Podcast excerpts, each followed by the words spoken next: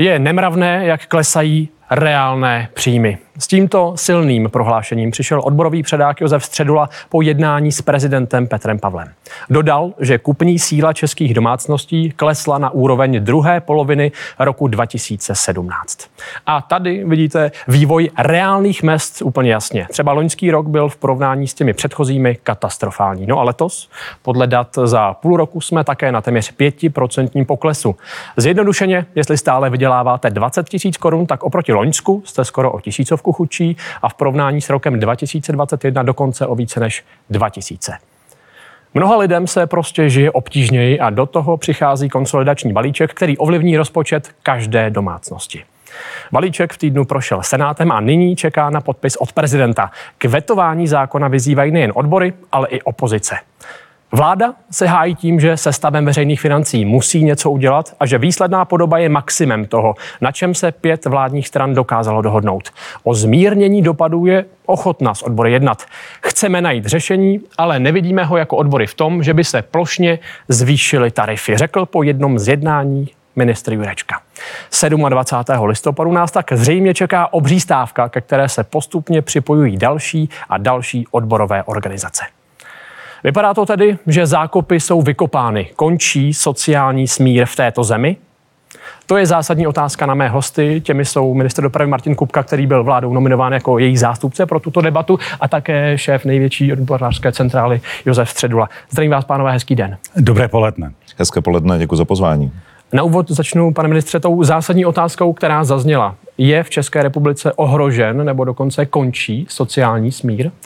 Já věřím, že sociální smír neskončí, že se podaří i těmi kroky, které chystáme, které děláme, a také to, jak se snažíme je vysvětlovat co nejsrozumitelněji. Eh, česká vláda musela udělat něco s rozpočtem. Na tom panuje obecná schoda všech klíčových ekonomů. Není možné pokračovat ve zvyšování deficitu státního rozpočtu. Eh, kroky, které jsme přichystali, ať už je to konsolidační balíček nebo také návrh rozpočtu na příští rok, mm-hmm. míří k tomu, abychom ve výsledku dokázali udržet sociální smír, byť to nebude lehké, uvědomuji si to, ale tady to nemá být i pro to udržení sociálního smíru jako debata my a oni. Eh, my máme, stejně tak jako Josef Středula, jednotliví členové vlády, velmi podobnou odpovědnost za to, jak se podaří překonat tu stávající kritickou situaci. Hmm. Ona opravdu není jednoduchá a není jednoduchá v žádném z evropských států. A pane předsedo, nějakou tu základní premisu, vy máte pocit, že sociální smír v, Čech, v Čechách je, no v Česku je v ohrožení a souhlasíte v těch bodech, o kterých mluvil pan předseda? Rozhodně sociální smír je ohrožen, to je jednoznačné. Kdyby nebyl, tak eh, my nebudeme hovořit o stávce, nebudeme hovořit o protestech, nebudeme hovořit o extrémním poklesu životní úrovně občanů. Eh, když jste hovořil o těch číslech, tak u mzdové oblasti je to minus 11% a u platové oblasti je to dokonce minus 20% propadu reálných příjmů. Příští rok se očekává další inflace. Vláda ještě před několika měsíci, asi před třema, hovořila o inflaci 2 až 2,8%. V pátek už hovořila o 3 až 4%. My hovoříme o 5 5 až 6% dalšího nárůstu cen. To znamená, že na konci příštího roku můžeme dokonce dosáhnout inflace během třech let až 40 hmm. což je naprosto nevýdané. A když tady říká pan minister o tom, eh, že je tady nějaký problém s veřejnýma financema, tak by taky měl ale popravdě říct, kdo je způsobil. A to je minulá vláda z ODS a teď ODS se současnou vládou. A to je deficit 250 miliard korun, hmm. systémový deficit, který teď se chce přenést na zaměstnance. To je naprosto nevýdané a není proto žádný důvod. Pane ministře, vy jste na úvod řekl, že panuje ta schoda teď z těch úvodních, eh, nebo minimálně z úvodního slova pana, eh, pana předsedy, to tak úplně nevypadá. Já jsem hovořil o tom, že každý na tom máme svůj díl odpovědnosti. Eh, k té inflaci. To je opravdu jedna z největších bolestí celé ekonomiky a dopadá pochopitelně na každou jednu domácnost. Eh, když eh, zmíním konkrétní data, tak meziměsíční vývoj inflace mezi srpnem a září znamenal pokles cen 0,7% bodu. Mhm. Mezi zářím a říjnem jsme se dostali na hodnotu 0,1%. To bohužel znamená mírné navýšení. Ono to hodně souviselo právě s úsporným balíčkem, ale co je a s úsporným tarifem v oblasti energií v minulém roce. Ale ten výhled snižování inflace je zjevný. A já si tady troufnu tvrdit, že i na základě eh, odhadu Ministerstva financí České národní banky se dostaneme pod 5% v příštím roce a znamená to důležitou trajektorii. A tady myslím, že se máme spojit v tom, abychom dali také pozitivní zprávu veřejnosti, že ten vývoj je příznivější. Ano. Protože to, že v tuto chvíli ve sdělovacích prostředcích na veřejnosti vítězí převážně negativní zprávy, tak má mimochodem jeden neblahý efekt v tom, že se lidé obávají dalšího vývoje, hmm. víc spoří, místo toho, aby opravdu finanční prostředky vynakládali i na nákup zboží služeb. Ano. A to je jeden z důvodů toho, proč se eh, dál v té ekonomické situaci propadáme. Pane předsedo, pan ministr zmiňoval ten pozitivní trend, nebo ten trend, eh, kam se směřuje inflace. Je to za vás trend, který bude pokračovat? A z druhé, eh, je to zásluha vlády, že máme takovýto trend mezi měsíční inflace? Naopak zásluha vlády je přece to, že máme tak vysokou inflaci, protože s ní nic vůbec nedělala. Úplně toho dělala za hlavu, naprosto neuvěřitelným způsobem. A já jsem byl, přiznám se, minulý týden v naprostém šoku, když jsem viděl nakupovat pana premiéra v Německu. To si myslím, že si snad někdo dělá z těch lidí srandu, protože předtím už to jednou byl podobný příběh a to byl po roce pana premiéra, eh, který doporučoval, aby lidé, když jsou nespokojení s našimi cenami, jezdili nakupovat do Polska a tam vyváželi ano, české, peníze, české peníze. A teď to udělá premiér, kdyby tam poslal ministra průmyslu a obchodu, který to má v kompetenci, je to naprosto pořádku. Ale ještě jenom to dodat, že ten německý eh, zaměstnanec má trojnásobně vyšší mzdu než ten český.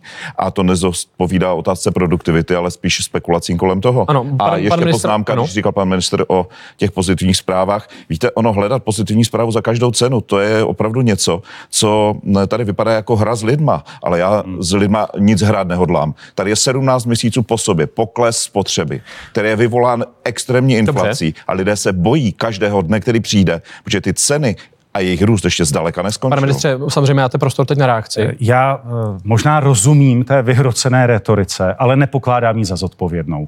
Ani ze strany odborového předáka. A co chci zmínit, aby bylo jasno v tom, a odmítnu vaši kritiku, vláda jako jeden z nejvýznamnějších kroků, který může udělat proti inflaci, je snižování deficitu státního rozpočtu. Na tom je obecná schoda. Kdykoliv se to vládám podařilo, tak to znamenalo zprávu klíčovou pro to, aby inflace klesala. A přesně to jsme udělali udělali a vy nás za to kritizujete. Takže... Tak, ale tohle je průkazné, o tom není vůbec sporu. Pane ministře, ale nezapomeňte, kroky... že jste ji zároveň vytvořili tu situaci. Vy jste vytvořili ten deficit 250 miliard korun. Počkejte, kdy ale... jste se spojili s tak. minulou vládou a teď se to udělali ne, znova. Přestože vám Tohle je nerv, argument. Ale vůbec ne, není Protože ty kroky, které jsme udělali, vezměte si loňský rok. To, že jsme dokázali pomoci českým domácnostem a také podnikům výraznou podporou eh, v době energetické energetického růstu cen, energi, eh, cen energií v České republice 110 miliardami korun. Ano. To se samozřejmě muselo propsat eh, do vyššího deficitu, než jaký bychom Ale si ten jste způsobili na příjmové stránce, ne na té výdaje, jste tolik neudělali ten problém. neudělali tenhle krok, tak v situaci, ve které byla Česká republika, tak by už v letošním roce domácnosti i podniky obtížně nesli ten dramatický růst energií. Pane Tohle ministře, byl. A proč, proč teď na, proč? na občany přenášíte? Teď jste se před 14 dny rozhodli, že to, co jste dosud sanovali a jak říkáte, pomáhali, tak teď to na ně převedete. Teď jste zrušili eh, My dotace na poze, eh, dotace na teplo. To všechno půjde k tíži spotřebitele, podnikatele, tak stejně jako občana. To bude znamenat růst eh, inflace o dalších 1,6 až 1,7% To je zatížíte. To se všechno protne do všech cen. A ten a teď jako teď jste řekl, že pomáháte a teď už jako není potřeba pomáhat? Ty lidi jsou ještě v horší situaci, než byli? Klíčová věc klesají ceny energií.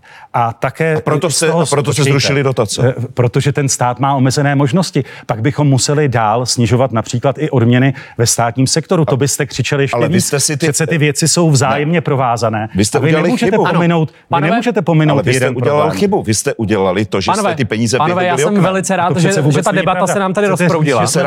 My se rádi vidíme. Je to, že se rádi vidíte. jsme udělali chybu mohu poprosit, investovali do toho, aby opravdu lidé v letošním roce měli děkuji. nižší ceny energie. Ano, to nemyslíte pane ministře, vážně. Děkuji.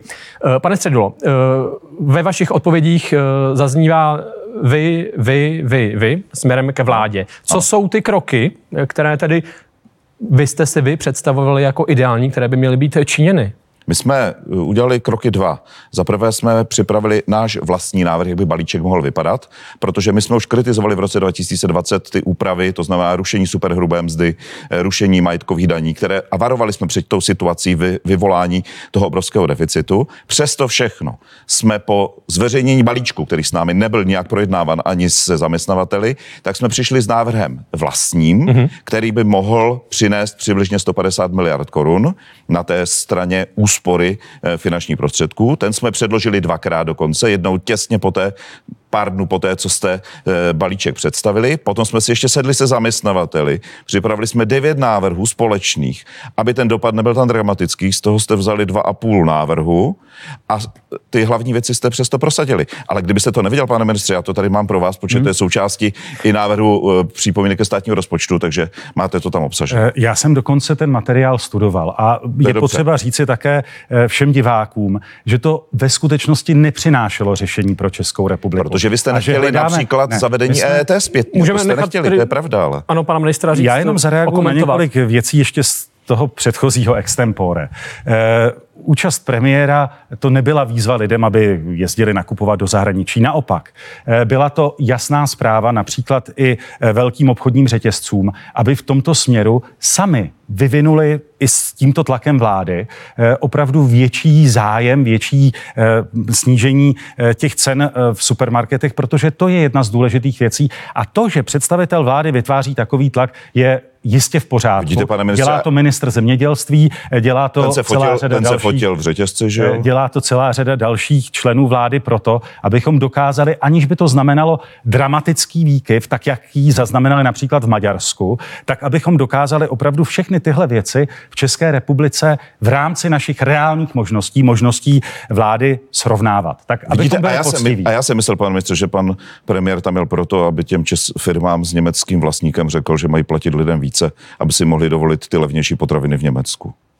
Vidíte, a on tam měl především Dobře. proto, aby opravdu dokázal zajistit eh, rozumnější ceny v České republice způsobem, který opravdu může v tomto směru uplatnit. Vemte zákon, zákon tvrdit, o cenách a začněte s ním pracovat a bude to fajn. kroky, které v tomto směru vyvíjíme, připomenu jenom několik podstatných věcí, které ta vláda udělala. Eh, dokázala díky pozornosti, jakou jsme zaměřili na sledování vývoje cen paliv, už v loňském roce významně přispět k tomu, že nedošlo k tomu dramatickému výkyvu, že nedošlo, nedošlo na jedné straně k tomu, že by lidé stáli ve frontách před benzinovými čerpacími stanicemi a nedostávalo se jim paliv. To například. No, ty první eh, tři měsíce ty byly excelentní. Teda. A to máte, če, a to máte, čep, Zároveň to máte čepr, pane ministře, a to jste mohli udělat hned na počátku zregulovat. Ale to jsme přece právě firma. udělali. To jste Zároveň právě neudělali. jsme snížili spotřební daně. Eh, tohle není fér, protože Počkejte, spotřební kritika, daně, když jste... Ta kritika se nezakládá na skutečnosti. A Opravdu? jestli se v tomto směru vydáváte tam, že už jako vám eh, nezbývá, než kritizovat všechno jenom pro počkejte, počkejte, pane ministře. Tak je to bohužel jedna z věcí, která právě nepřispívá k sociálnímu Počkejte, směru. takže vy si fakt Přece myslíte, že si lidé nepamatují ty ceny, ty ceny paliv? A když jste, já, eh, protože abychom si vyrovnali ten podíl toho, kolik mluvíte vy a kolik já. Já myslím, že ten ale podíl jste, držíme ale zatím jste, eh, velmi podobně. Když jste uh, udělali tu předsedu. manipulaci spotřební daní, která je na naftě, tak se stalo co? Tak vylítla i cena benzínu a tam není žádný důvod. A kdybyste tu regulační schopnost měli, tak toto jste mohli ano. uřídit. Eh, Můžu na to Opravdu zareagovat? zacházíme do, do velkých detailů. Já bych rád, pane Střel, vy jste v, té, vy jste v té, této debatě už poměrně útočný. Jak probíhal ten, ten dialog o podobách konsolidačního balíčku? Byl za vás dostatečný, protože za vaší stranu asi nebyl. Je to tak, že jeden mluví, druhý vypadá, že poslouchá a vůbec nic neudělá. A to bylo na straně nás i zaměstnavatelů, i při jednání tripartity, kdy například, řeknu, použiju argument z druhé strany, to znamená navýšení daně z příjmu eh, právnických osob o 2% body, tak zaměstnavatele vystoupili a řekli, že to vláda nikdy nevybere protože oni budou velmi přísní v oblasti daňových optimalizací. To znamená, že tam použijí nástroj, který eh, nedává smysl. Když řekli zaměstnavatelé spolu s námi, že hmm. vláda nemá dělat opatření v oblasti benefitu, tak vláda to přesto udělala. Původní návrh byl ano. zrušit úplně daňové zvýhodnění a potom šla na 50%. Proč to neponechala? A kdyby udělala to, že nebude manipulovat s DPH, tak to je výhoda, protože tím hmm. pádem by bylo k dispozici dalších více než 4 miliardy korun, třeba pro ano. další potřebné opatření. Pane ministře, teď můžete samozřejmě reagovat na tu předchozí odpověď a také na ten dialog. Velmi stručně. Ty kroky, které jsme podnikli v oblasti cen paliv, jsou prokazatelně úspěšné a znamenaly stabilizaci cen pohoných hmot v České republice. Eh, potom, kdy se ukázalo, je to pod podobné i v energiích, eh, kdy už není nezbytně nutné v tomto směru držet tu původní sníženou hodnotu. Vrátili jsme ji zpět a ano, potkalo to se to v tom okamžiku to s tím, to bylo u nafty, eh, že rostly celoevropsky a celosvětově ceny pohoných hmot. Když se dneska podíváte na ten vývoj a porovnáváte ceny pohoných hmot v České republice a v Německu, v Rakousku, tak opravdu se prokázalo, že ty kroky a ten postup vlády byl efektivní a zajistil stabilizaci cen a dostali jsme se znovu na průměrné hodnoty. Německo, eh, Rakousko i další státy jsou výrazně nad našimi Škoda, že to cenami. není v té inflaci, pane ministře. A to je taková tak té inflaci směřujeme k tomu a to je dobře, že aspoň v tomto přiznáte nakonec eh, pozitivní kroky vlády. A co se týče inflace, tak tady je už vývoj pozitivní patrný. Inflace v České republice bude klesat.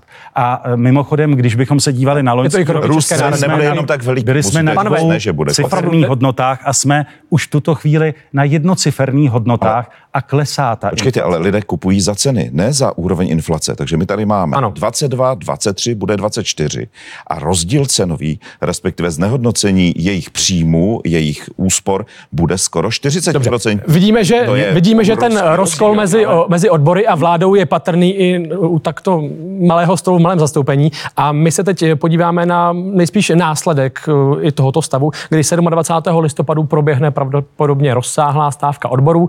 Třeba školské odbory plánují dokonce celodenní stávku. My jsme se právě na témata stávky ptali zástupců všech parlamentních stran a tady jsou jejich reakce. No já myslím, že je to významné gesto, protože pokud skutečně to bude celý den, tak to zkrátka ty rodiče pocítí a možná se zamyslí nad tím, co se v naší zemi děje a jak vlastně tato vláda neplní ty svoje závazky a, a že to dělá špatně. No. Stavka je v demokracii samozřejmě každého věc a samozřejmě také každého právo a to je velmi důležité.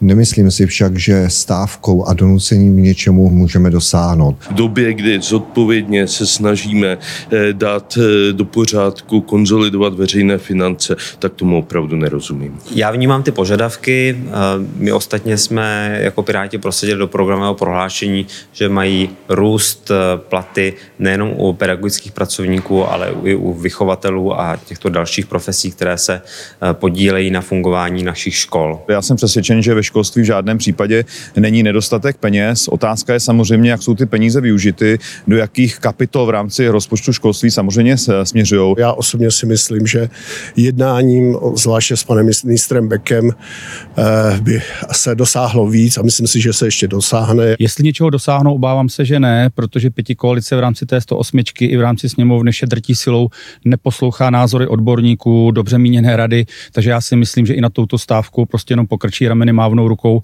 a obávám se, že ničeho dosaženo nebude. A právě na téma stávky bych se chtěl nyní dostat. Pane ministře, je to tak, jak to vnímá pan poslanec Ketner za SPD, že vláda jen pokrčí rameny? Určitě ne. Eh, těch jednání proběhlo v minulých eh, měsících a týdnech celá řada.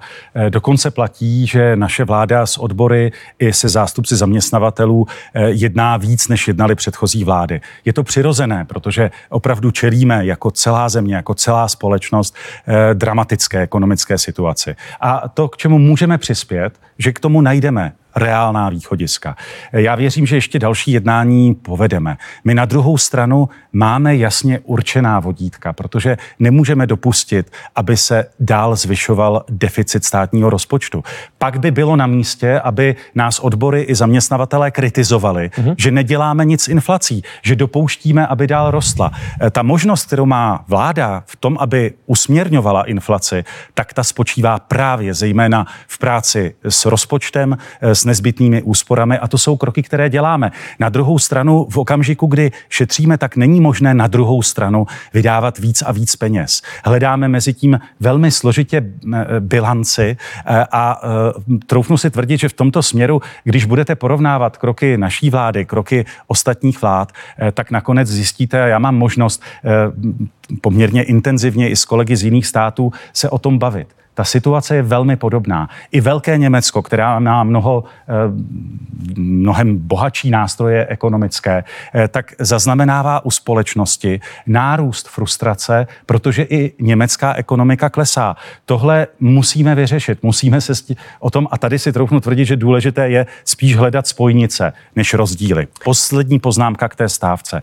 Je nepochybně eh, tohle právem veřejnosti eh, stávkovat a nikdo to nemůže v demokracii eh, veřejnosti vzít.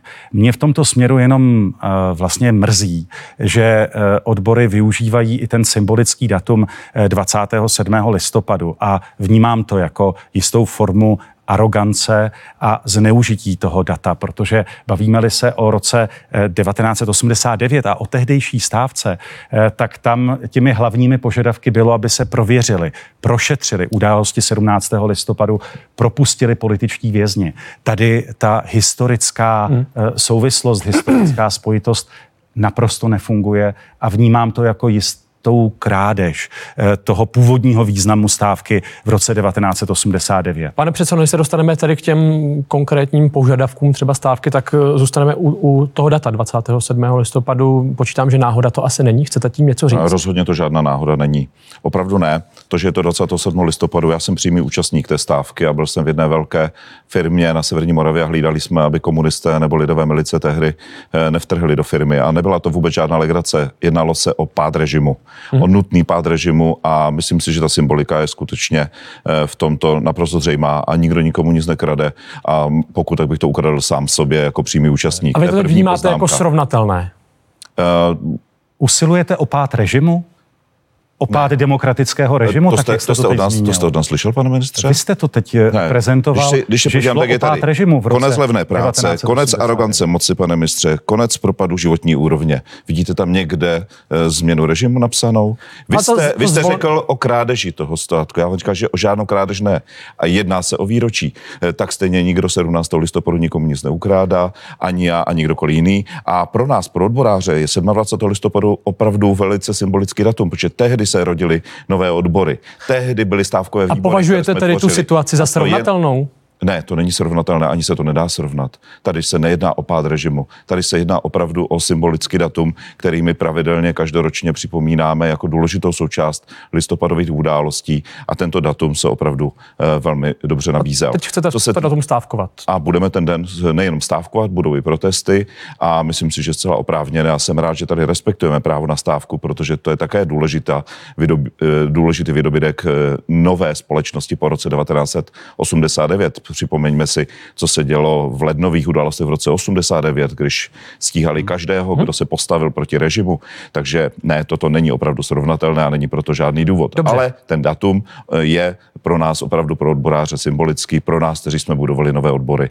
Právě I když toho... třeba ta doba za vás není srovnatelná, jak jste řekl. Ne, ne, ne, ta není srovnatelná, ale Ani atmosféra. Ne, ta otázka té arogance moci je nepříjemná věc eh, logicky, protože jedna věc je, když my debatujeme a druhá věc je, že se nic nestane. A ono je to těžké, když mluvíte na zeď a z té zdi se vám nic neozývá. To opravdu není z jednoduchého. A my to kritizujeme všichni souběžně a říkají to i voliči eh, současné koalice, že jsou opravdu z toho velmi překvapeni ano. a eh, problém je i ten, že, a myslím, že se to ukazuje v těch průzkumech veřejného mínění, že tato vláda je nej nejoblíbenější a bohužel se to srovnává s vládou, která byla v roce roce 2012. A Pane to si myslím, že by mělo být poučení eh, pro současnou vládní koalici. Ta historická analogie je skutečně nešťastná. Nicméně vrátím se k tomu, eh, co eh, opravdu všechny ty předchozí jednání přinesly. A posloucháme jak odezvu odborů, tak odezvu zaměstnavatelských svazů.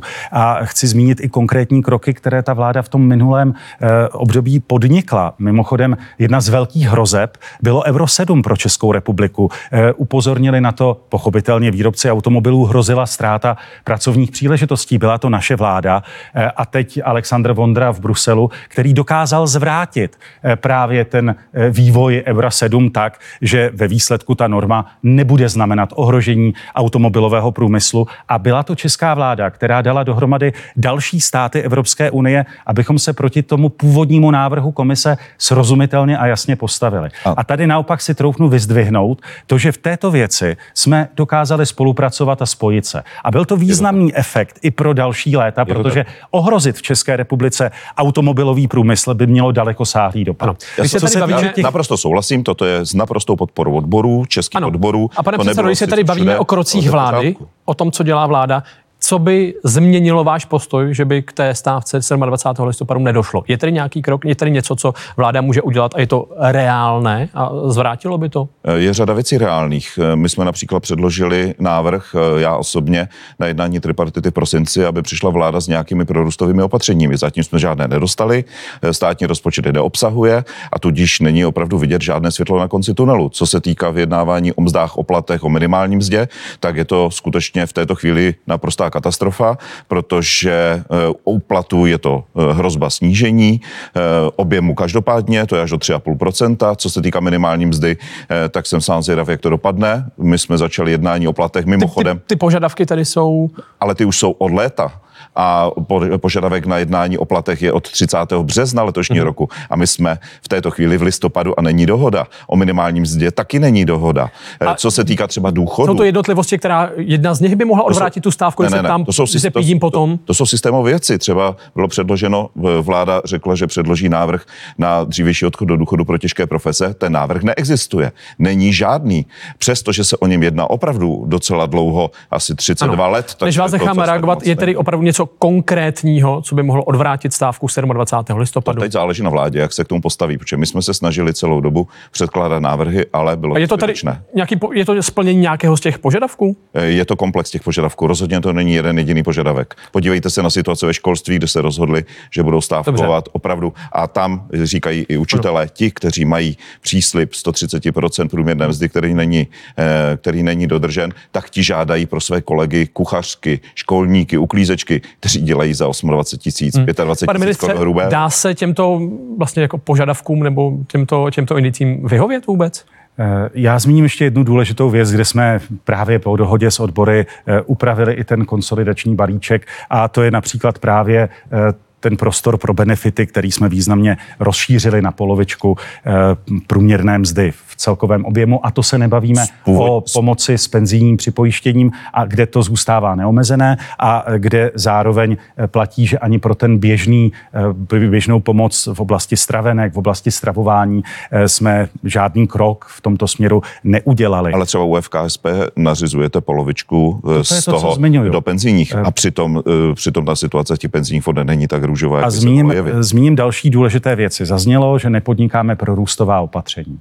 Tak jedním z významných prorůstových opatření je udržení investičního tempa. To je oblast, která mi přísluší, kdy ta vláda byla schopná najít finanční prostředky na to, aby se dál investovalo do dopravní infrastruktury a znamená to významné posílení jak celého segmentu stavebnictví. Bez téhle pomoci, bez těchto investic by tam rostl další významný problém a navíc je prostě důležité, že v okamžiku, kdy se nám bude dařit dál investovat, budovat dálnice, železnice, tak se budou vytvářet významně lepší podmínky pro restart české ekonomiky. Tak tady je zcela průkazné, že ten krok vláda podniká a samozřejmě platí znovu, že eh, náš tlak na snižování inflace znamená jasný prorůstový krok, protože prostě bude pak snaží i pro jednotlivé firmy v této oblasti podnikat. Pane ministře, k tomu jednu poznámku není odborová, to je poznámka ze strany zaměstnavatelů a vy jste tam možná na té konferenci nebyl, tehdy se to bylo, myslím, Česko na křižovatce 1. září letošního roku.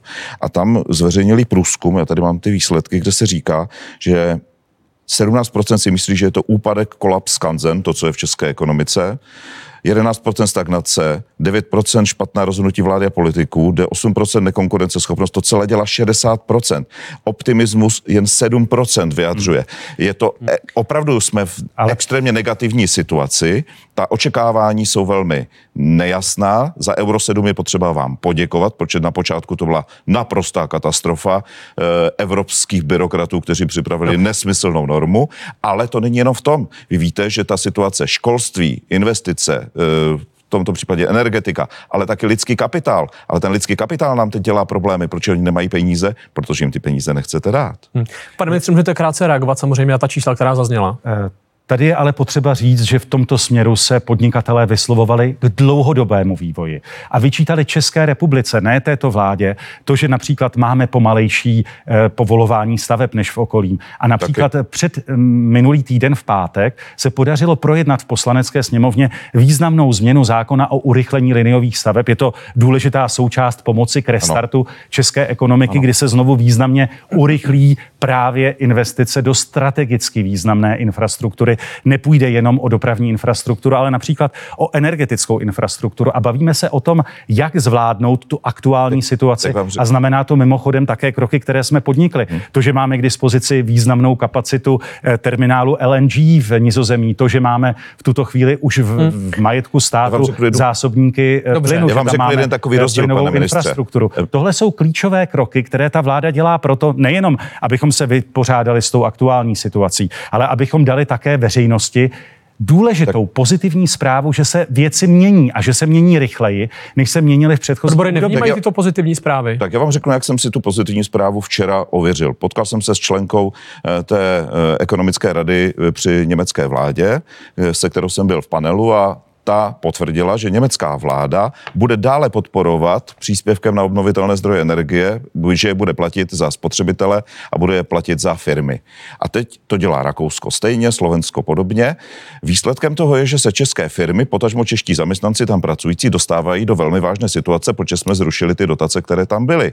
A to bude velký problém. To se promítne do cen. Takže jedna pozitivní vyváží a nebo překoná ta, ta negativní očekávání, která tady jsou. To je tak stejně s tou inflací. Panové, já bych eh, se chtěl na závěr ještě dostat zpátky k té eh, samotné stávce. Jenom jestli ještě můžu na to reagovat. Dobře, krátce eh, poprosím. Samozřejmě, že nás zasáhla informace o tom, že Německo v příštím roce znovu významně podpoří ano. třemisty Miliarda. miliardami euro celý ten, hmm. celý ten balík, zejména průmyslu. Ano. Na druhou stranu Německo nemá modernizační fond a desítky miliard korun, které mohou čerpat a budou čerpat firmy. Já jsem tady zmínil Myslíte to... 280 lidí, kteří použijí ty dotace na ten domek po babičce? Ne, to, to je číslo, které je prozatímní. To je, to je jeden konkrétní. Ale to jde vidět, to je že lidi nemají peníze a nejsou schopni. To je, jeden to je pomoc těm, titul. kteří peníze mají, ne těm, co peníze Dobře, nemají. Já jsem opravdu se chtěl dostat na závěr k té samotné stávce.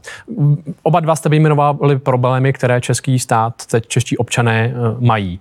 Není sociální smír právě něco, co nám jako jedno z posledních zbývá ale Pane ten, předsedo? ale ten má ale velmi vysokou hodnotu a ta hodnota zní spokojenost těch, jich se týká. A jestliže tito lidé a dokonce i zaměstnavatele jsou nespokojení, tak je to špatně. A v tuto chvíli záleží jen a jen na vládě, jakým způsobem se k tomu postaví. A nejde to vyrovnat tím, že tady někdo teď může říct, tak a na tom se teď dohodneme. Dobře, jsme připraveni jednat, ale v této chvíli si myslím, že ten komplex toho naštvanosti lidí a té arogance, která je vůči nim dělána, i vůči těm partnerům, kteří přichází s těmi náměty, tak je nevýdaná, neslíchaná. Ano. Pane ministře, vaše eh, slovo k těmto. Tady půl hodiny diskutujeme. Ani náznakem jsem nedal najevo, že bych vás neposlouchal, ani náznakem jsem nedal najevo to, co vy popisujete jako aroganci. Mně to slovo vadí, protože přesně tohle jsou věci, které odporují tomu držet v České republice sociální smír. Vy jste připustil, že vláda skutečně celou řadu kroků eh, udělala pro to, aby se podařilo eh, zajistit eh, další pozitivní vývoj ekonomiky, což má přímý dopad na lidi. Tady platí, čím jsme začínali. Pokud si s tím máme poradit, tak to nesmí být tak, že jsou to vy a oni. My máme společný úkol v tomto směru převést tu zemi přes období, které je velmi náročné. My si to plně uvědomujeme ano. a také říkáme, že že proto, abychom to zvládli, tak musíme přinést konsolidaci veřejných pane, rozpočtů. Pane ministře. To je nezbytný krok. Panové, na, poslední na poslední tripartě jsem požádal pana premiéra, abych si ten svůj díl předsedy odboru zodpověděl v té radě eh, pro strategické investice. Bylo to před půl druhým měsícem. Je úplně ticho. Řekl jsem, pojďte, vemte nás tam. Hmm, Nic. Ano. Ono ta i naše nabízená ruka děkuji vám, pánové. není ta ruka nabízená, Ale není já vám vzata. Děkuji za tu debatu, budeme doufat, že ten dialog bude nějak pokračovat, že k něčemu dojdete Rozhodně. a my budeme zvědaví na výsledky. Děkujeme děkuji. za pozvání. Díky za pozvání.